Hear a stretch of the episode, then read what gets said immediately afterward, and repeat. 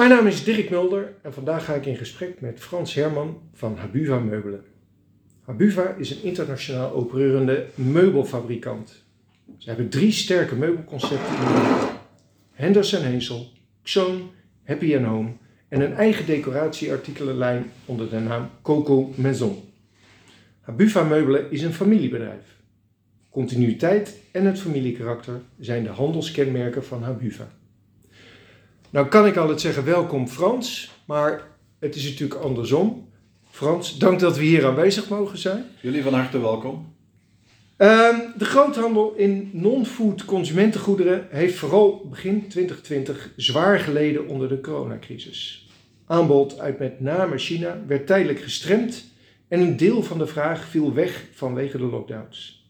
De vraag herstelde halverwege het jaar, maar voorraad- en leveringsproblemen bleven. De verwachting is dat in heel 2021 een deel van de verloren omzet in de non-food kan worden goedgemaakt. Alleen, en daar hebben we natuurlijk nog, uh, uh, gaan we het straks vast ook over hebben, krijgen we natuurlijk ook nog te maken met de gestegen containerprijzen en grondstofprijzen. Wat op dit moment die markt uh, enorm raakt. Maar eerst Frans, kun je wat vertellen over jezelf en over Habuva? Ja, nou nogmaals, mijn naam is Frans Herman. Ik ben uh, verantwoordelijk voor alle commerciële activiteiten binnen Habufa. En dat betekent uh, alles wat met marketing van doen heeft, met productontwikkeling van doen heeft, strategie. En uiteraard al onze dealers vallen daaronder. Dus wij zijn heel erg zeg maar, met de dealers, CQ eindconsument bezig. En dat is internationaal. Wij opereren in vijf Europese landen heel actief. Frankrijk, Duitsland, België, Luxemburg, Nederland en gedeeltelijk ook in, in Engeland. En we hebben daarnaast ook nog wat uh, exportlanden, zoals in Australië, Noorwegen. Maar de 90% van onze activiteit zit in West-Europa. Uh, nog wat over mezelf. Ik kom uit de retail. Ik heb jarenlang onder andere voor Piet Klerks gewerkt.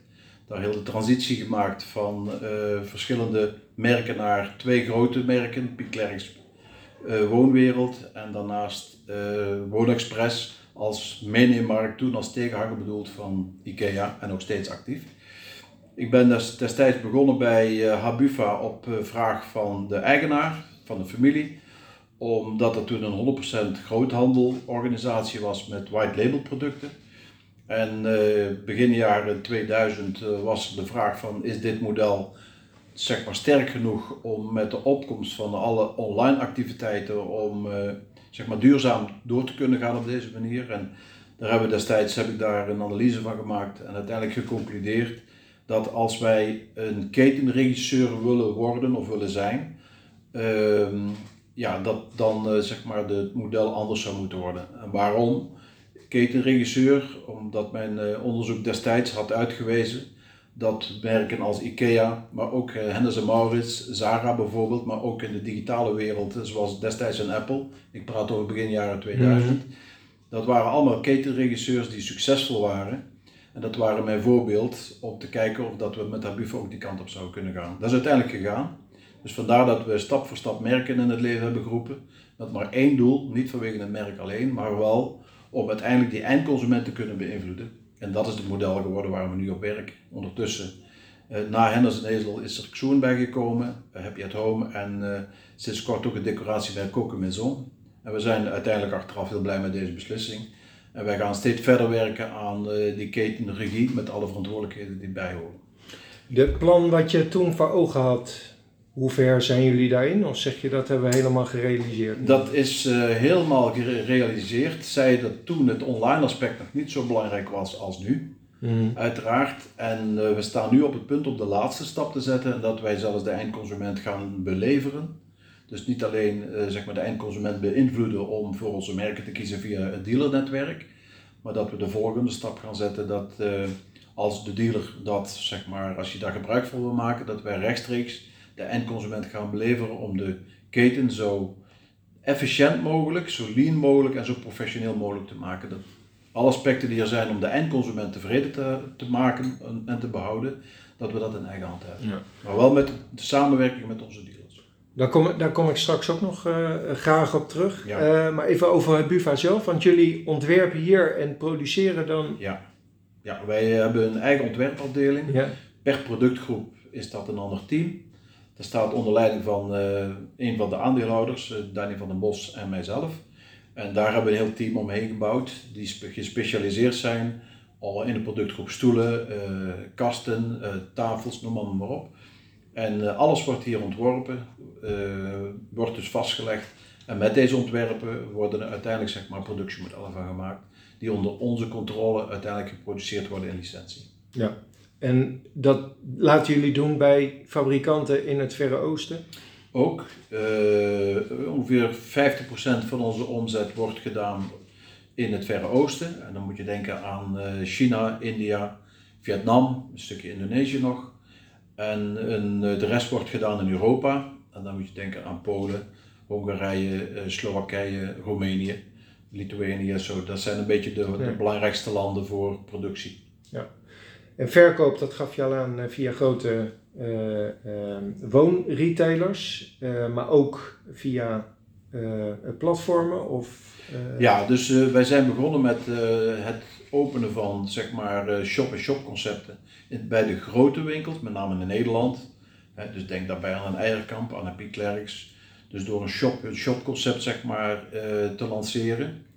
Uh, en in andere landen, zoals bijvoorbeeld Frankrijk, zijn het allemaal monobrandwinkels. Dus het zijn winkels die alleen maar met één merk zijn uitgerust. Of Henderson, Hazel of Xoon. Hmm. Eventueel een combinatie van uh, Coq en Maison. Dus de markt in, in Frankrijk is totaal anders als de markt bijvoorbeeld in Nederland en Duitsland. Waar je met, over het algemeen met grote winkelbedrijven te maken hebt. Waar wij een onderdeel zijn. Maar aan de andere kant, uh, ja, met onze marketingactiviteit hebben we steeds meer naartoe gewerkt om de consument voor onze merken een soort voorkeuze te laten maken, dan naar de grote winkelbedrijven te gaan en dan wat meer zeg maar, gefocust voor onze producten zeg maar, binnen te komen. En waardoor de conversiepercentage een stuk groter is als dat ze zeg maar, heel de winkel moeten gaan bezoeken. Nou kan ik me uh, dan moet ik heel eerlijk bekennen dat het alweer een tijd geleden is dat wij ons interieur uh, veranderd hebben. Maar ik kan me uit die tijd nog wel herinneren dat je als je naar een grote winkel, woonwinkel ging, dat het eigenlijk redelijk merkloos was. Hoe, hoe is dat tegenwoordig? Dat is wel wat veranderd hoor. Ik denk dat uh, de, dus degenen die succesvoller zijn geweest, of nog steeds zijn uh, in, in met name Nederland, maar ook in België en in Duitsland eigenlijk ook wel dat er steeds meer multibrand winkels zijn geworden. Omdat merkeloze winkels zijn moeilijk te vergelijken of dat de prijs-prestatie, zeg maar, dat die wel juist is. En klanten die zien natuurlijk uh, een merk uh, als het gaat om herkenning, maar ook als het gaat om uh, bevestiging van als een merk zich al wat langer op de markt begeeft dat het waarschijnlijk wel goed zal zijn, zien ze wel als een belangrijk aspect om daar een keuze op te maken. Dus een merk helpt zeker mee om de aantrekkelijkheid van een, zeg maar, een grotere generalistische winkel om die te versterken. Ja. Je noemde het net al, eh, digitalisering, e-commerce, steeds belangrijker geworden. Ja. kan je daar iets over vertellen? Wat heeft dat voor jullie organisatie betekend? Dat heeft voor onze organisatie een, een enorme zeg maar, aanpassing gevraagd omdat toen wij begonnen met de concepten begin jaren zeg maar 2003, 2004, toen was het vooral fysiek gericht. Hè? Dus was het een, winkel die qua presentatie hè, uh, mooi moest zijn. Uh, op elkaar afgestemd, mode moest erin zitten, functionaliteit moest erin zitten, kwaliteit moest goed zijn in verhouding tot de prijs. Uh, maar uiteindelijk, ja, met het toenemen van het server op het, op het internationaal web, ja, was het van belang dat we ons daar ook goed konden presenteren. Dus in de loop der jaren is eh, online-offline voor ons enorm belangrijk geworden. Dus we hebben ons eh, erg geconcentreerd ook op beïnvloeding of het, zeg maar, het adviseren van klanten via de digitale kanalen. Hoe doen jullie dat dan? Nou, het begint natuurlijk met een, uh, met een sterke website. we hebben contentmachines eronder zitten die, uh, die door Google zeg maar, als goed ervaren worden, zeker zeer goed beoordeeld worden. Uh, er zijn natuurlijk allerlei technieken om te zorgen dat je makkelijk gevonden wordt, hè, met SEO-programma's, met SEA-programma's, noem maar op. Daarnaast hebben we natuurlijk nog gekochte middelen, zoals Google AdWords en noem maar op. Dus we proberen op allerlei mogelijke manieren bij de juiste eindconsument uit te komen met alle kennis die we nu hebben. Dat noemt dan uh, zeg maar de relevantie van de klant zo hoog mogelijk te houden. Om dan bij die klant te komen waarvan wij denken dat hij binnen nu en niet al te lange tijd in is voor het aanschaffen van interieurproducten.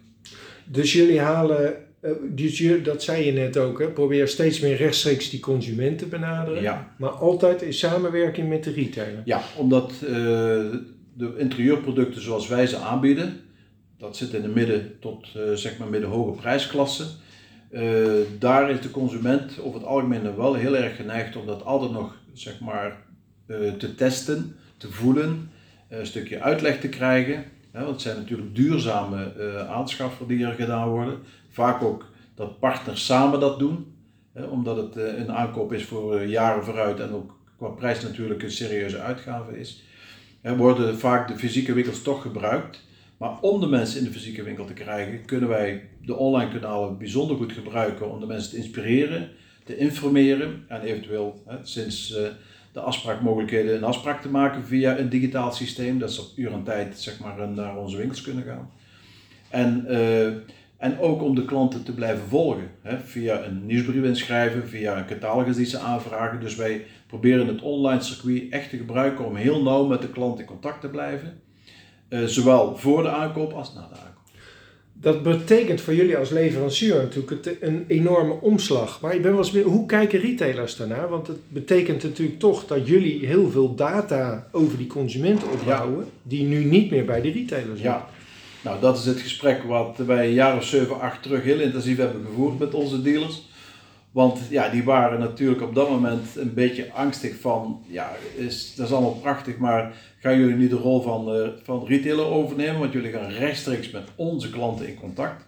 Natuurlijk heeft dat uh, wat even gewenningen gevraagd. We hebben onze doelstellingen altijd duidelijk weergegeven. We hebben ook per land een soort van een overlegorgaan, dat heet dan de participatieraad, waardoor wij, uh, waardoor, waarmee wij elke keer weer uitleggen waarom dat wij iets doen. En altijd hebben aangehouden van de retailer blijft voor ons het middelpunt waar de zaken gedaan moeten worden. Maar de online heb je wel nodig om met de klant in contact te komen en in contact te blijven. En als je dat centraal doet, heb je veel meer macht en kracht dan dat iedereen dat voor zichzelf doet. Nou, dat is inmiddels allemaal geaccepteerd. En het is zelfs zo dat nu steeds meer door de dealer aanmoedigingen komen van kun je nog een stapje verder gaan. Want wij kunnen het niet alleen. Hè. We zitten in een, in een branche waar over het algemeen is het best wel een versnipperde branche. Er zijn buiten IKEA zijn er geen zeg maar, echte dominante spelers in West-Europa. En ja, wij kunnen nou zeggen dat wij elk land waar wij actief zijn, dus Duitsland, Frankrijk, België, Nederland, Luxemburg dan erbij, dat wij daar een dominante positie hebben waardoor wij landelijke marketingreclames kunnen en, en campagnes kunnen voeren.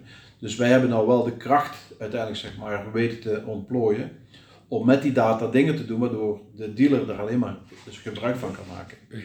Ja, dus we hebben altijd gezegd, nee, wij gaan geen eigen winkelier spelen, maar wij gaan wel in dienst van de eindconsument en als ondersteuning van jullie de eindconsument zeg maar benaderen en in contact blijven. En blijft dat altijd zo? Of zijn er voor jullie ook plannen dat je zegt, we gaan rechtstreeks ook eh, producten richting die consument leveren? Ja, dat gaan we doen. Dat is de volgende stap. Mhm. Maar niet om de dealer te passeren, maar om de serviceniveau naar de dealer te verhogen. Maar ook om de onliners, uh, ja, om daar zeg maar uh, ja, tegenstand tegen te bieden. Oftewel, dat we de, de onliners, wij verliezen van de onliners, de pure players, daar verliezen wij als het gaat om snelheid van leveren. Nou, we hebben hier in, uh, in het zuiden van Nederland hebben wij twee grote magazijnen. Daar staat uh, voor een, uh, een heel groot bedrag aan winkelverkoopwaarde, wat constant zeg maar, in beweging is. En waarvan een groot gedeelte constant uit te leveren is, direct uit te leveren. Als het via de dealer moet gebeuren, dan zijn er processen die duren twee tot drie weken. Als wij het rechtstreeks doen, dan kunnen we binnen vier, vijf dagen, zeg maar in heel West-Europa, kunnen wij onze producten bij de eindconsument leveren. Als de consument dat graag wil, dan stellen wij zeg maar een direct leverprogramma ter beschikking. Het grote voordeel is dat we sneller kunnen leveren. Het tweede grote voordeel is dat de keten in zijn totaliteit minder kost. Want we hebben een overslagpunt minder, we hebben een, een organisatiemodel minder ertussenin. En we weten nog iets meer van die eindconsument, waar de dealer ook van kan profiteren. Want we verzamelen alle data samen die we delen volgens de AVG-wetgeving uiteraard met onze dealers. Ja.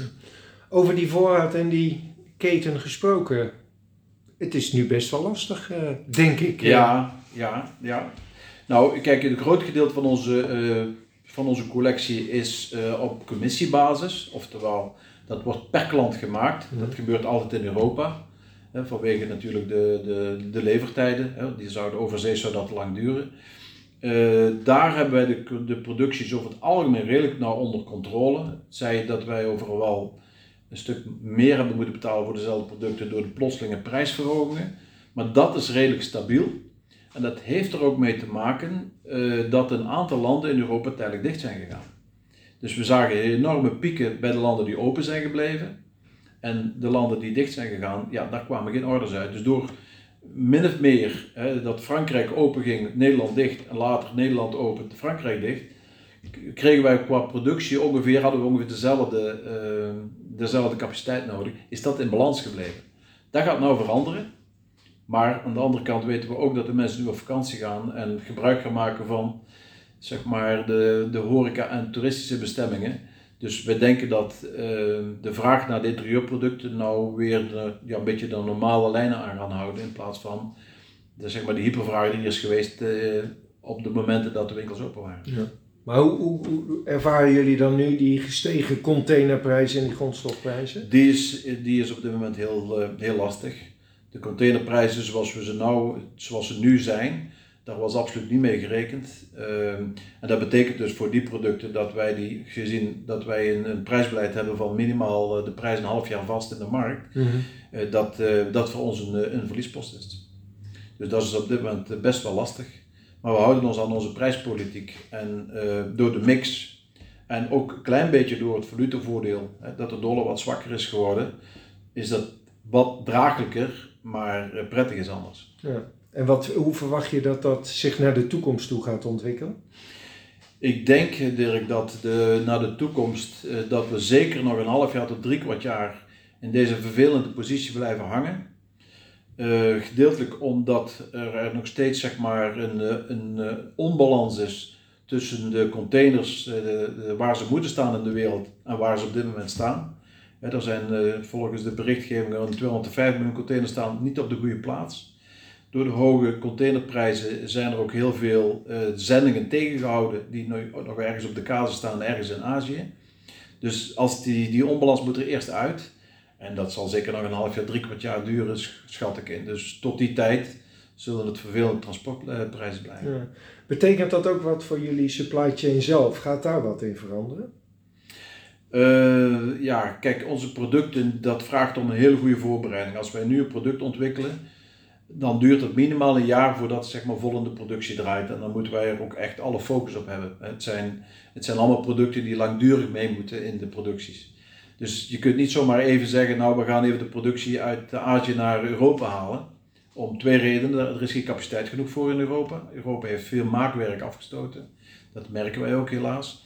En ten tweede is vaak ook nog niet eens in Europa meer de expertise aanwezig om de producten die wij nou in Azië laten maken, om die hier te laten maken. Dus wij kunnen niet zo snel schakelen hè, eh, door hele producties over te zetten. Natuurlijk zijn er wel wat schakelmogelijkheden, maar dat heeft niet de impact die, eh, die, eh, die je graag zou willen. Dus we zullen hier een, een, een, op lange termijn een beleid op moeten gaan maken. Ehm, en dat kan zijn dat er prijsverhogingen dat die, dat die niet tegen te houden zijn. Ehm, en daar zal heel de wereld mee te maken krijgen, want het is niet alleen Europa die ermee te maken krijgt. Dus het zal absoluut voor onze branche een prijsverhoging op lange termijn met zich meebrengen, waar misschien ooit een correctie op komt, maar dan schat ik dat we zeker de eh, tweede helft 2022 zullen zijn. Ja.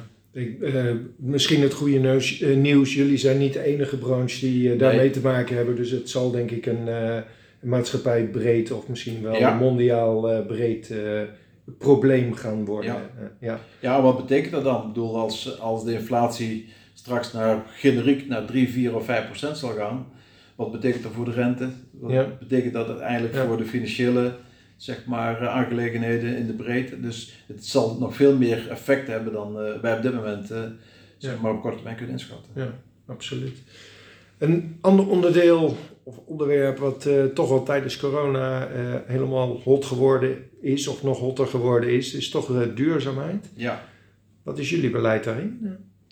Nou, duurzaamheid is iets niet wat door corona bij ons op de agenda is komen staan, dat is al veel langer. wij proberen uh, al, al jaren zeg maar verantwoord, maatschappelijk verantwoord en ook duurzaam te produceren, producten te ontwikkelen. Uh, bijvoorbeeld uh, alle onze lakken die wij gebruiken zijn watergedragen, hè, dus zijn gezond voor de mensen. Alle materialen die wij gebruiken zijn volgens de specificatie van gezondheid. Dus dat doen wij jaren. Bijvoorbeeld onze leren banken, daar, die proberen wij zo te verwerken dat we zo weinig mogelijk afval hebben van de leren huiden. Enzovoort, enzovoort, enzovoort. Dus we zijn al jaren bezig als het gaat om duurzaamheid. Het karton wat we gebruiken, uh, dat moet allemaal voldoen natuurlijk aan de veiligheidsvoorwaarden en aan de gezondheidsvoorwaarden. Dus in de breedte zijn we daar al lang mee bezig.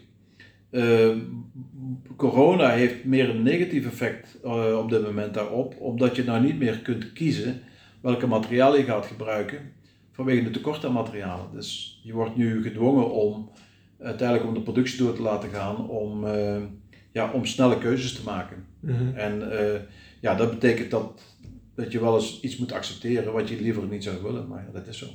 Ja, en dus jij denkt dat dat voor de korte termijn, voor die duurzaamheidstransitie, toch wel een, uh, beperking kan opleveren? Dat zal even een beperking zijn. Hè.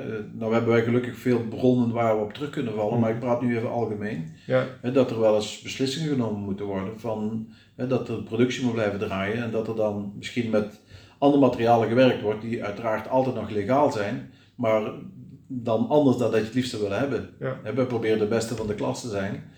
En ja, dat proberen we wel vol te houden, maar dat zal niet altijd mogelijk zijn. Hoe uh, monitoren jullie dat? Uh, want het is natuurlijk belangrijk hoe producenten van jullie daarmee omgaan. Elk land waar wij actief zijn, zowel aan de verkoopkant als aan de productiekant, hebben wij een eigen organisatie. Die eigen organisatie wordt geleid door een country manager. Daar in dat team zitten verschillende specialisten.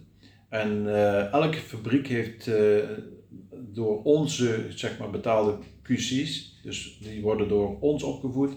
Volgens de Code of Conduct moeten die zeg maar, uiteindelijk alles controleren. En afhankelijk van de grootte kunnen, dan kan er dat 2 tot, tot 6, 7 QC's zijn per, per productie-eenheid. En die worden door ons gestuurd. Die zijn neutraal, objectief. En uh, dat is voor ons heel belangrijk. Dus wij, uh, wij hebben ook een controle uh, piece by piece. Dus dat betekent dat elk product wordt door ons afgestempeld als zijnde dat akkoord is en dat voldoet aan de voorwaarden. En hoe transparant zijn jullie daarin? Ja, de, de stempel van, van uiteindelijk, als het daarop gaat, van uh, dat het akkoord is, staat op elk product, mm. om een voorbeeld te geven. Dus dat kunnen we nagaan, er staat de data op, er staat ook op degene die het gecontroleerd heeft, er staan allemaal, zeg maar, uh, daar zijn allemaal protocollen van uiteraard.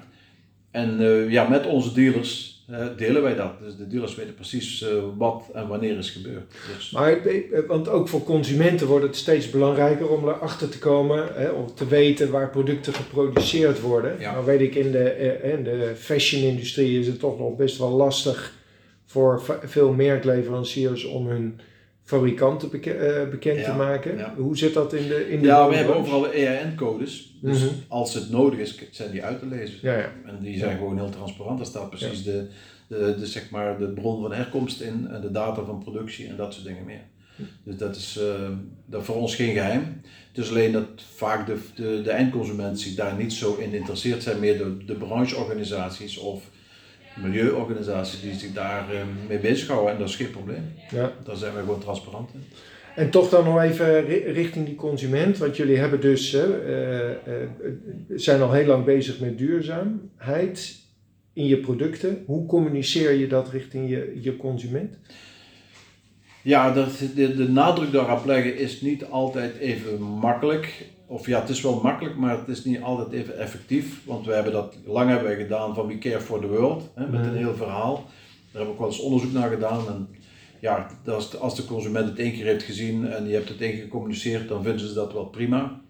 Uh, we hebben ook wel eens een test gedaan tussen een product wat dan extra zeg maar, eh, milieubewust was, maar dat was een stuk duurder. En ja, dan zie je toch dat de consument toch kiest voor value for money. Hè? Dus, dus, dus uh, wij communiceren dat uh, ja, wat defensiever. Wij communiceren dat niet zeg maar, heel proactief. Nee.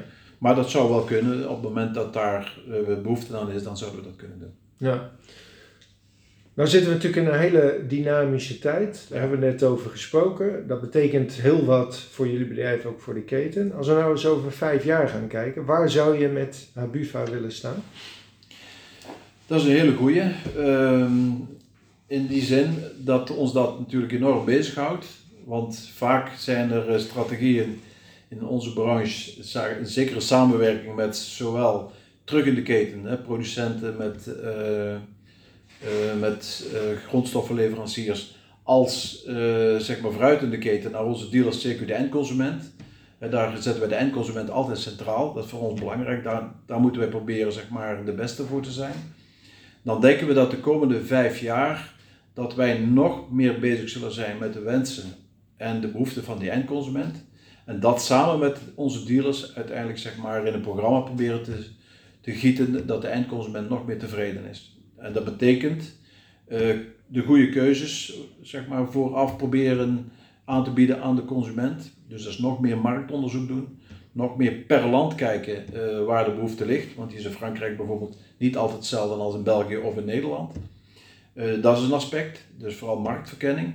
Uh, als het gaat om alle online ontwikkelingen, die laatste moeten wij volgen, want het gaat heel snel. We willen gewoon altijd zeg maar, paraat zijn om als de klant, de eindconsument, iets wil opzoeken op het gebied van meubelen, dat wij daar altijd wel snel bij te vinden zijn.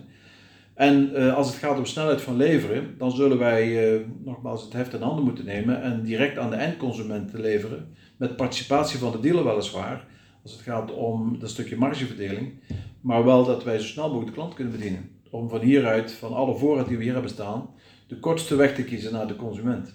Omdat de consument, voor althans een aantal consumenten, die hebben geen behoefte aan snelle leveringen, daar moeten wij uiteindelijk zeg maar, een mogelijkheid voor kunnen aanbieden. Maar er zijn ook consumenten die willen het heel snel geleverd hebben, om welke reden ook. Ook daar moeten wij gebruik van maken. Dus wij gaan straks heel het zeg maar, direct delivery gebeuren, gaan wij uh, helemaal opzetten om te voldoen aan, uh, aan de consumenteneisen.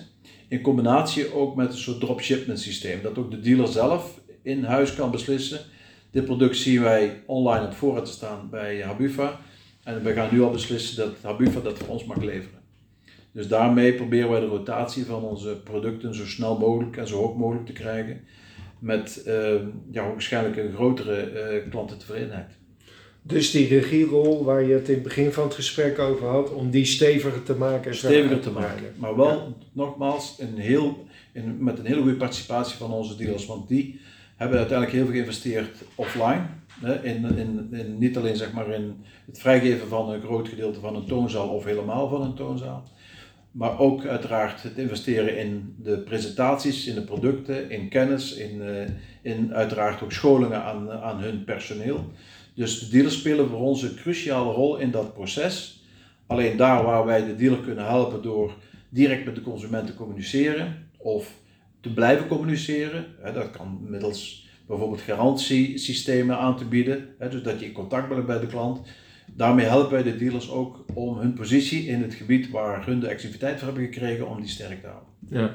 En, en zo'n dealer, zou dat ook een platform kunnen zijn? Uh, als als nou ja, Amazon of uh, eh, bol.com? Als, dat, als wij voor een platform zouden kiezen, mm -hmm. maar daar hebben wij nog beslist niet voor gekozen, dan zou dat zijn uh, op een manier dat de dealer daar ook zeg maar, zijn voordeel aan heeft. Dus het mag niet zo zijn dat wij via dat platform uiteindelijk de dealers gaan beconcurreren. Want daarvoor hebben wij een dealernetwerk opgezet, wat landendekkend is. In Nederland zijn we landendekkend, in, in België, in Duitsland, in Frankrijk. En uh, stel voor dat wij een generiek platform zouden gebruiken, dan zouden ze allemaal daar een bijdrage of een deelgebied van krijgen. Maar voor eventueel andere of nieuwe landen zou een platform eventueel. Ja, maar dan denken we niet aan uh, grootvolumeproducten, omdat die qua transport vanuit het Centraal Magazijn hier in Zuid-Nederland veel te duur zouden zijn. Mhm. Maar dan zouden wij eerder denken aan uh, producten zoals uh, voor kokenmaison, dus zeg maar de kleine producten, met, waar een soort van parcel service achter kan zitten. Ja. Wat makkelijker is te organiseren in Europa dan uh, groot volumineuze producten te vervoeren. als ik jou zo hoor, dan denk ik, hè, we hebben het er eerder in het gesprek ook al over gehad, dat data natuurlijk enorm belangrijk is. Hoe ver staan jullie daarmee? Hoe tevreden ben je zeg maar, over jullie datapropositie? Daar zijn wij niet voldoende tevreden over. En dat heeft te maken dat daar de onliners zeg maar, uh, ja, zich al veel verder en beter ontwikkeld hebben de afgelopen jaren. Dat zijn echt ja, eigenlijk databedrijven geworden die dat, dat gebruiken om uiteindelijk producten aan te bieden. Wij zijn met producten begonnen En we zijn later data gaan verzamelen, dat is een groot verschil. Wij, eh, wij zijn nu bezig met een uh, ja, zeg maar state-of-art CRM-systeem op te gaan zetten. In combinatie met, met ons CMS-systeem. Dus uh, wij gaan dat heel, ja, daar gaan we de komende jaren erg aan werken om langdurig met de consumenten in contact te kunnen blijven, de customer journey goed te kunnen blijven volgen en programma's te ontwikkelen waardoor wij ook in contact mogen blijven met de consument, zonder dat wij in aanraking komen met de wetgever. Dus uh, wij vinden uh, data, uiteraard hebben we heel veel data als het gaat om wat wij al presteren op dit moment. Maar we hebben nog niet voldoende data over wat we denken wat de consument gaat doen morgen. En daar zijn we bezig. Ja. ja. Wordt nog een, uh, een interessante reis die Een zeer interessante reis, maar wat wel fijn is, is dat de dealer, maar dat heeft te maken met vertrouwen. En dat heeft ook te maken met de wijze zoals wij samenwerken, ons steeds meer daarin ondersteunen ook als wij eventueel wat blauwdrukken maken over welke consumenten hebben nou waar gekocht, krijgen wij steeds vaker de hulp van de dealer om mee te kijken van wat zijn uiteindelijk zeg maar, de effecten geweest van campagnes die we gevoerd hebben.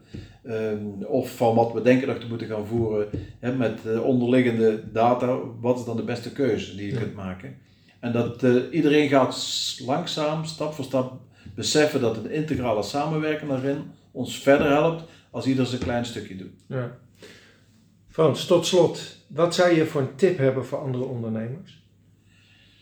Uh, in onze branche of welke branche bedoel jij? Het mag zo, mag zo breed zijn als je hem wil hebben. Ja, ik denk uh, als je retailer bent, laten we het daar even over hebben, over de retailers. En, uh, en je wilt zeg maar aan de offline kant toch je positie blijven behouden probeer dan een goede online-offline combinatie te maken. En dat zal voor de kleine retailer niet altijd makkelijk zijn om dat zelf helemaal te doen. Zoek dan uiteindelijk zeg maar, de mogelijkheid om samen te werken met gerenommeerde merken of die ook vertrouwd zijn. Om samen dan uiteindelijk die eindconsumenten in jouw regionen het beste te kunnen bewerken. Want de consument oriënteert zich steeds meer online. De meeste consumenten, zeker in onze branche, die nemen eigenlijk al een soort voorbeslissing op basis wat er online allemaal al onderzocht is. En met die voorbeslissing gaan ze dan naar de juiste dealer. En ik denk dat daar de dealer voor open moet staan om in die combinaties te kunnen blijven overleven. Anders dan denk ik dat ze door de online volledig zeg maar, in de toekomst weggespeeld worden. En dan moeten we zien te voorkomen. En wat ik jou eerder heb horen zeggen, wees dan niet bang om een stukje autonomie in te leveren om uiteindelijk gezamenlijk sterker uh, Precies, die strijd de gezamenlijkheid. Wij zouden zonder de dealers nooit deze positie hebben kunnen bereiken. En ik denk dat ik ook mag zeggen dat de dealers zonder ons beleid nooit hun positie hadden kunnen bereiken waar ze nu staan. Dus dit is echt een, zeg maar een voorbeeld van als je de keten goed samenwerkt met een goed model en een transparant model met een goede strategie, dat je dan echt parole kunt bieden aan zowel de goede retail, de goede offliners als wel de goede onliners. Frans, dankjewel. Jullie ook bedankt voor het luisteren naar deze podcast. Voor andere podcasts verwijs ik je graag naar uh, eh, ing.nl. Frans, nogmaals dank. Heel graag gedaan en veel succes. Thank you